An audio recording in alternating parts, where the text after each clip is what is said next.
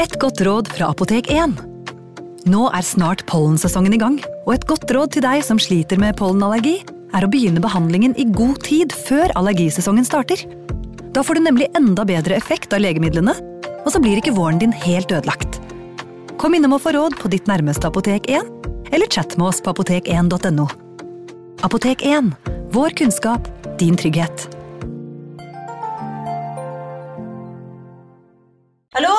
Jeg kommer fra Oslo politikammer. Ine Jansen er purk. Er du purk? The motherfucking bitch. Alt jeg vil, er å finne ut hva som skjedde med mannen min. Jon Carew. Er jeg sikta for noe? Iben Akeli. Det er du. Ole So, Lars Berrum og Big Daddy Karsten. Hvem sin side er du på, egentlig? Anette Hoff, Tone Danielsen, Kommer du fra Afrika? Jørnis Josef, Nesten kløfta. Trond Espen Seim, Det er synd å si det, men det var feil mann som døde. Purk. Premiere tirsdag på TV2 Play. Ungsamtalen fra DNB er økonomisk veiledning tilpasset deg som er ung. Bokk en ungsamtale på dnb.no. slash ung. Det er kjempebra hvis du skal inn på boligmarkedet, hvis det er drømmen din, liksom. Det er det du skulle sagt. Og så kunne du ropt litt mer, da, sånn som jeg gjorde. Bam! Advarsel. Historiene vi forteller i denne podkasten kan være fiktive og avvike fra den opprinnelige historien av dramaturgiske årsaker. Meninger og påstander i historiene reflekterer nødvendigvis ikke programledernes meninger eller virkeligheten.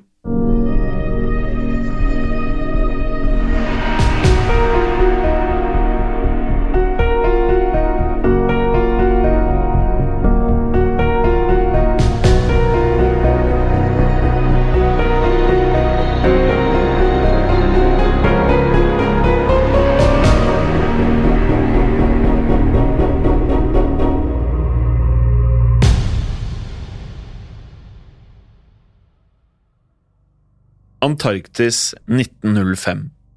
Skipets skrog ulte under presset fra de frosne omgivelsene. Skipet Stjernekikker og dens besetning hadde satt kurs mot jordens uoppdagede områder. Men vinteren kom fort, og de fant seg nå fanget mellom isen og stjernene.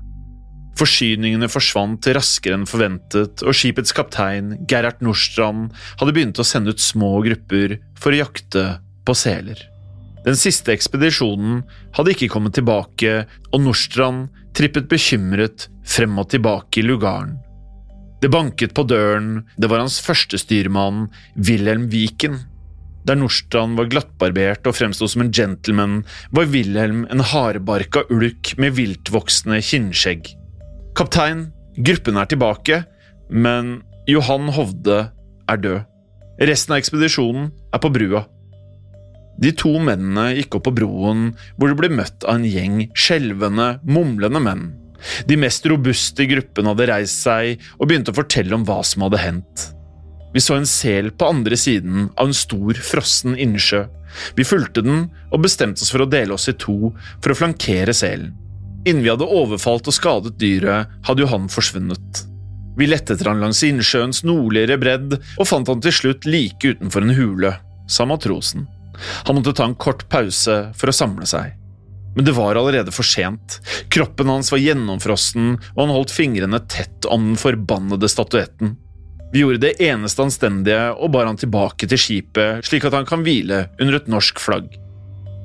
Han er på dr. Edvins kontor og blir undersøkt i dette øyeblikk, skjøt førstestyrmann inn. Jeg forstår, sa kaptein Nordstrand nøkternt. Jeg kondolerer. Gå til lugarene deres og få dere en velfortjent hvil. Mens mannskapet gikk til lugarene, dro Nordstrand og Viken til dr. Frans Edvins kontor. Det var mørkt og klaustrofobisk, kun opplyst av et enslig stearinlys. Det dunkle lyset avslørte nøye organiserte flasker og medisinglass, en samling lærbundede bøker og en pult uten stol. Bøyd over et nedtrekksbord sto en tynn og blek mann. Han hadde et alvorlig uttrykk i ansiktet mens han undersøkte Johan Hovdes døde kropp. Den avdøde hadde allerede begynt å bli blå i huden. Ansiktet var frosset i en grimase av galskap, med ville, oppspente øyne og en gapende munn. Det var som om han bar en maske av ubegripelig frykt. Nesten enda merkeligere var den lille statuetten som fingrene hans klamret seg rundt. Den var kullsort og fremstilte en menneskelignende skapning krøllet sammen i fosterstilling. Hovdes fingre var stivfrosne, og man risikerte å knekke fingrene tvert av dersom man forsøkte å fjerne objektet fra hendene hans. Kapteinen spurte rolig om hva legens oppfatning var.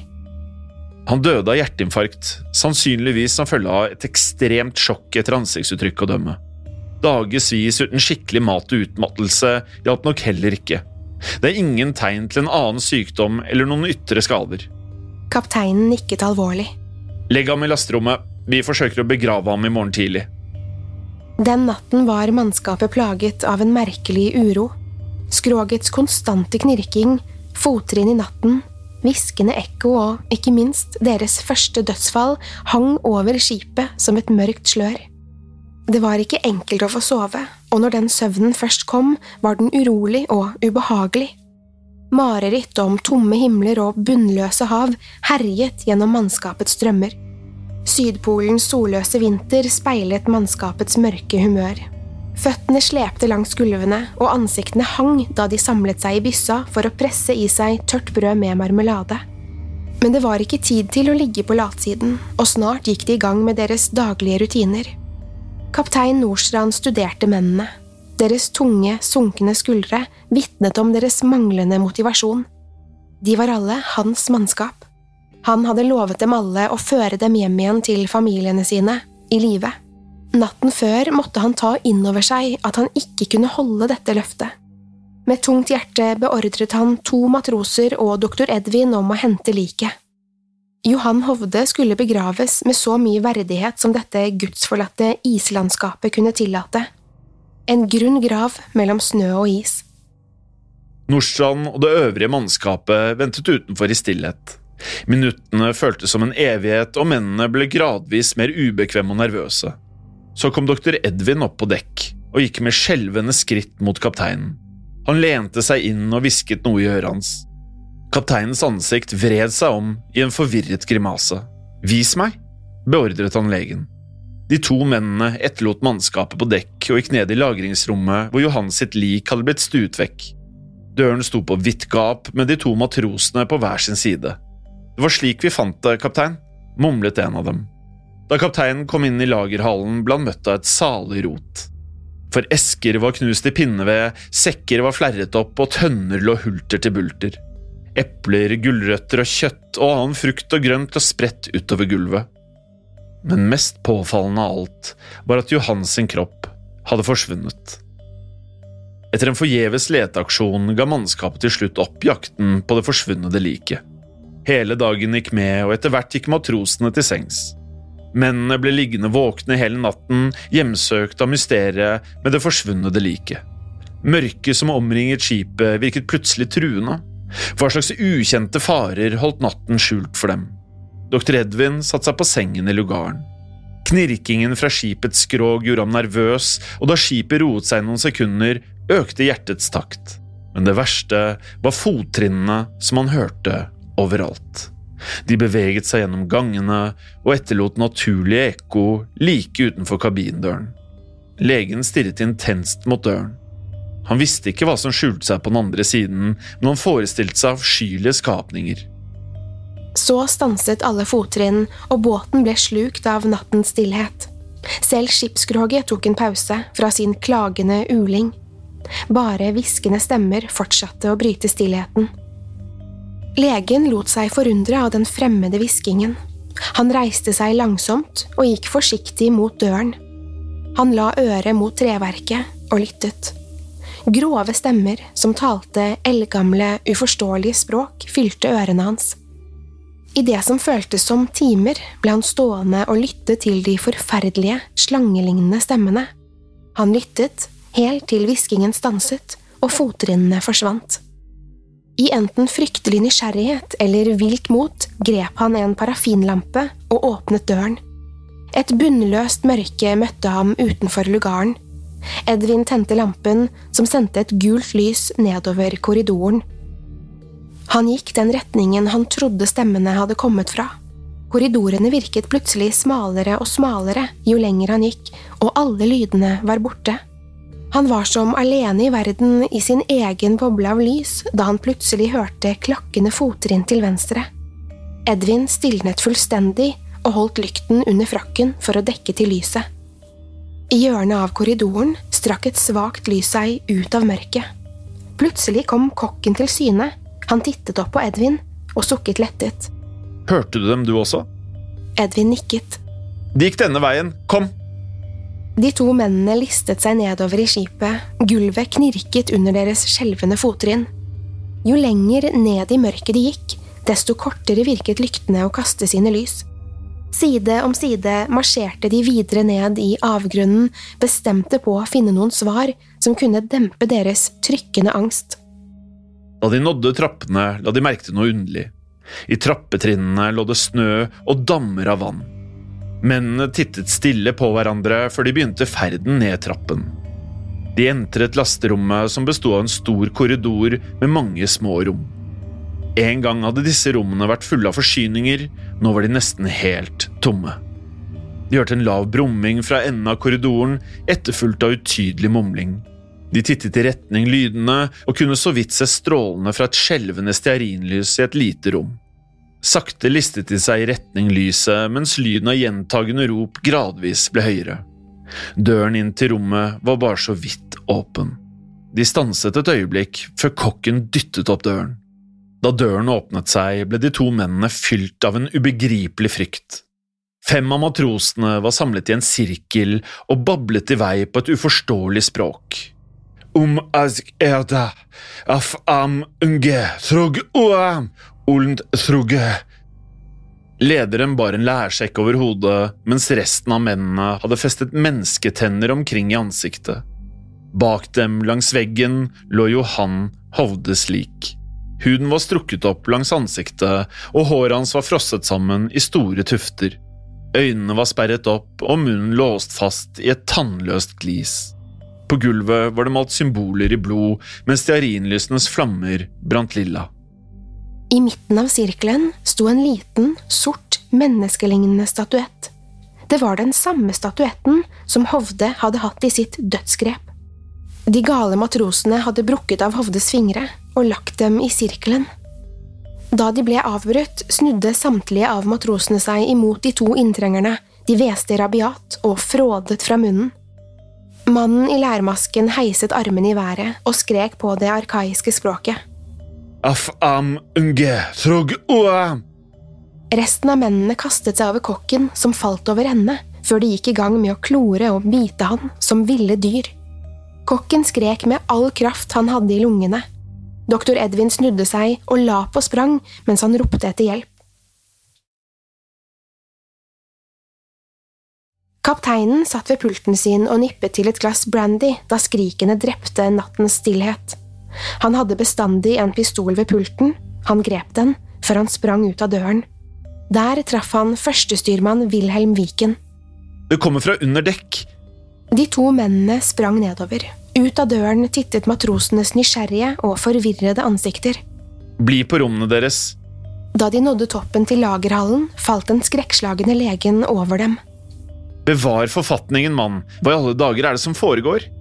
Kaptein Nordstrand tok tak i doktor Edvins skuldre og forsøkte å riste ham tilbake til virkeligheten. Legen forsøkte å fortelle hva han hadde sett, men det kom ingen ord ut av munnen. Han var bare i stand til å peke ned trappen før han kollapset på gulvet. Kapteinen og førstestyrmannen marsjerte ned trappen med revolver i hånd. Nederst i gangen hørte de gomle- og knaselyder som plutselig ga seg da mennene nærmet seg lyset. En matros i opprevne klær kom ut på alle fire. Han stirret et par sekunder med galskap i blikket før han galopperte mot dem med et vilt skrik. Kapteinen ble lamslått av situasjonens absurditet, men Viken var rask på avtrekkeren. Han traff matrosen midt mellom øynene. Så fortsatte førstestyrmannen innover med den sjokkerte kapteinen hakk i hæl. Da de nærmet seg døren, kom tre menn ut fra rommet. De slikket seg om sine blodige lepper mens restene av kokkens innvoller hang fra munnene deres. Viken ventet ikke på å bli angrepet og åpnet ild, umiddelbart. Han traff en av dem i magen og tok sikte på neste. Samtidig kom den største av matrosene i full fart mot kapteinen og la ham i bakken. Kjempens ånde stinket av rått kjøtt mens han klorte og bet til kapteinen.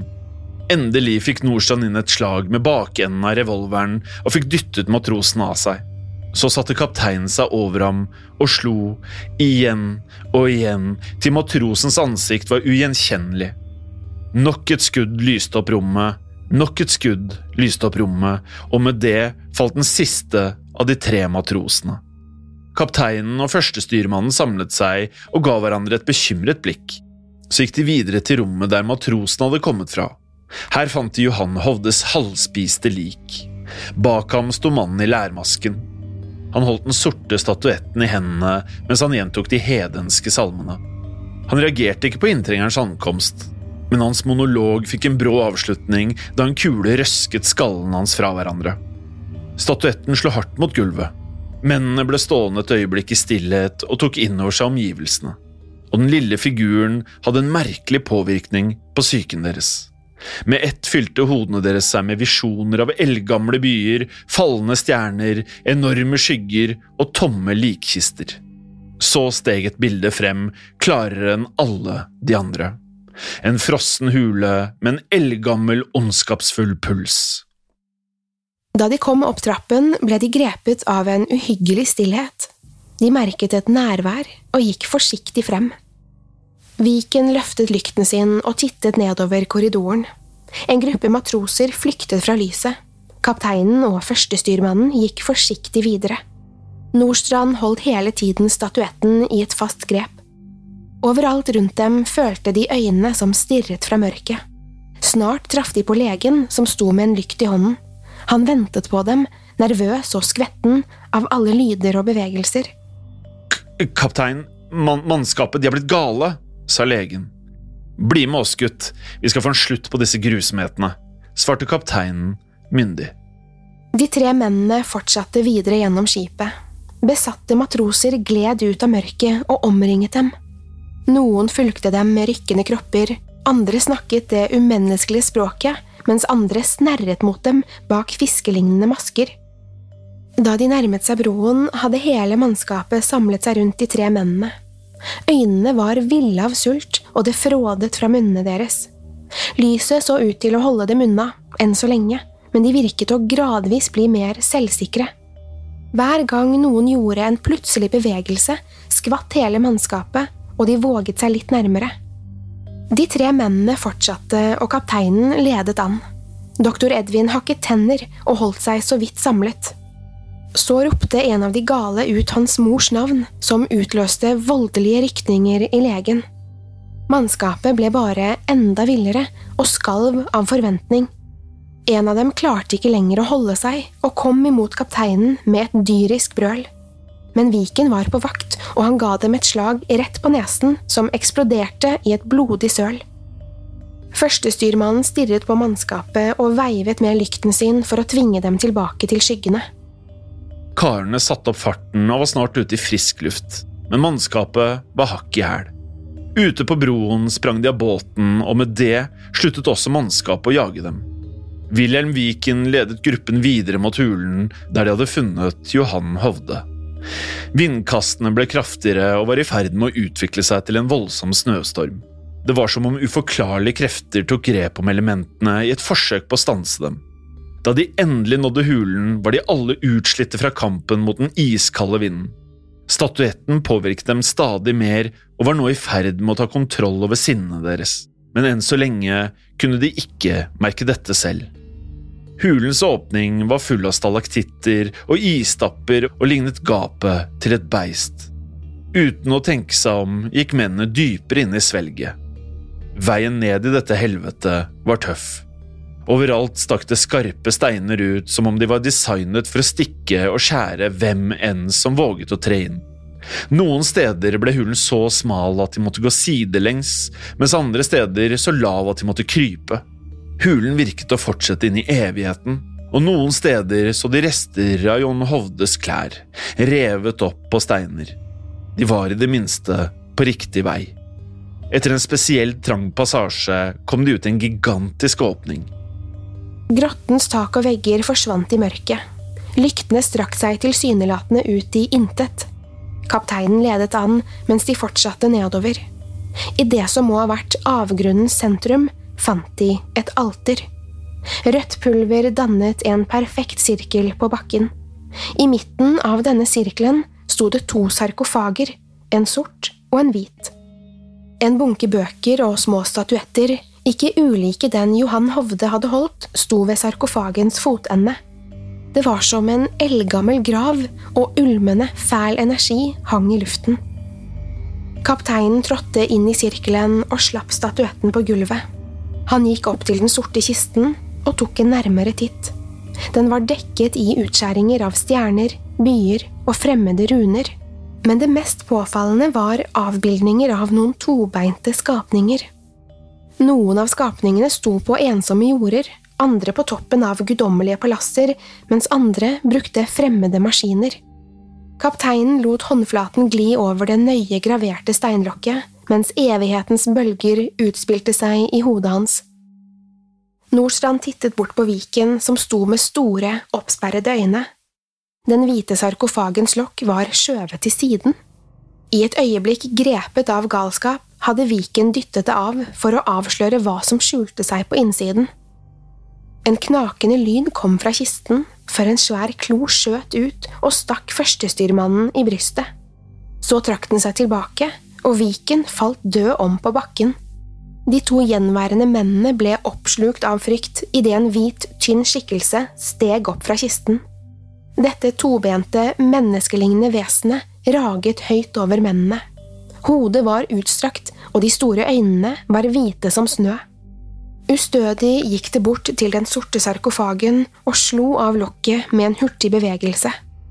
Så ventet den. En sort hånd med lange klør grep om kanten på kisten. Beistet lignet det andre, men var kraftigere bygd og huden var sort. Kapteinen sto fryst i vantro da skapningen plutselig skar et kutt i nakken hans med en av klørne. Blod sprutet ut idet vesenet tok tak i kapteinens skuldre og løftet ham fra bakken. I et øyeblikk stirret beistet inn i øynene hans. Så åpnet udyret munnen på vidt gap og stakk ut en slags rørformet tunge som det førte mot kuttet.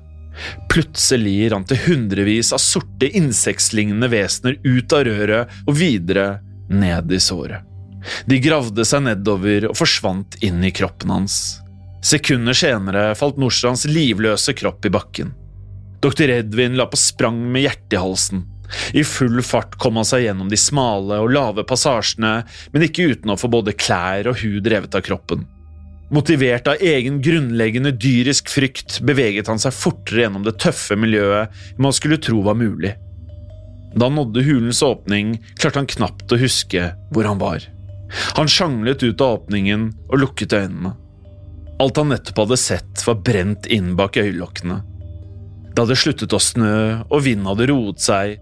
Det var som naturen selv flyktet fra grusomhetene som skjulte seg i hulen. Himmelen var skyfri, men det var ikke en stjerne å se. Et stort slør av mørke hang over den bleke isen. I sin villrede begynte Edvin å gå retningsløst ut i det isdekkede intet. Etter å ha vandret rett frem i timevis knaket det under bena hans. Da han satt foten ned, sendte det en sjokkbølge gjennom isen og ble til utallige sprekker. Snart samlet disse sprekkene seg i et orkester av knakende is, før bakken foran ham eksploderte. Støvet av iskrystaller la seg og avslørte et enormt hode. Det var perfekt symmetrisk, hårløst og menneskelignende, men likevel ikke. Huden var av noe som lignet sort stein og sugde nærmest til seg alt lys som omringet det. Ansiktet hadde ikke øyelokk, slik at de store, hvite øynene stirret konstant og ondskapsfullt. Med lyden av knusende stein åpnet den munnen. En tykk masse rant fra åpningen før en tentakkel stakk seg ut. På tuppen av tentakkelen var det nok et øye. Det stilte seg opp på høyde med Edvins blikk og stirret rett inn i sjelen hans. Ubeskrivelig frykt veldet gjennom legen, og han følte seg som en hare fremfor en løve. Han ville løpe, men nervene holdt ham fast på stedet. Med blikket festet på tentakkeløyet kollapset han på stedet. Tentakkelen bare snudde seg vekk og vendte blikket opp mot himmelen. Edvin var nå i ferd med å miste besinnelsen. Sinnet hans hadde løsnet, og tankene rant ut i et meningsløst rot. Han ble liggende og stirre på himmelen, dette uendelige mørket. Så, plutselig, skjøt en rød strek over himmelen, så en til, og enda en, og enda en. Snart var himmelen full av ildkuler som strømmet nedover mot jorden. Da Edvin våknet igjen, lå han i det isdekkede ødet. Det snødde, og stjerner blinket på himmelen. Han forsøkte å reise seg, men skled og falt på isen. Her, ta hånden min! skrek kaptein Nordstrand gjennom den ulende vinden. Nei! skrek Edvin tilbake mens han endelig kom seg på beina. Det kan ikke stemme, hvisket han til seg selv som om han innså sin egen galskap. Foran ham sto kapteinen som hadde dødd foran hans egne øyne. Det var da han la merke til kapteinens øyne. De var helt blanke, som om all farge var sugd ut av irisene. Så på et blunk var øynene hans som normale igjen. Edvin la på sprang ut i snøstormen, mens skriken hans kastet ekkoer ut i det frosne helvete. Han sprang og sprang til natten endelig omfavnet ham.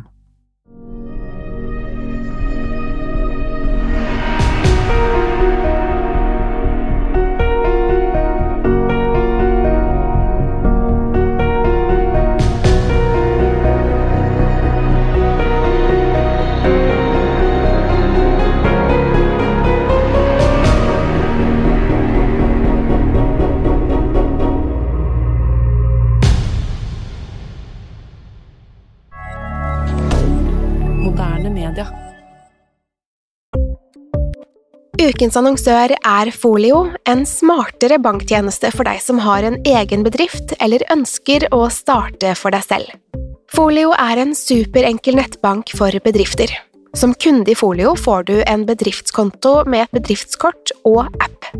I denne appen er det smarte løsninger som forenkler regnskapet ditt, uansett om du har en liten bedrift eller et enkeltpersonsforetak.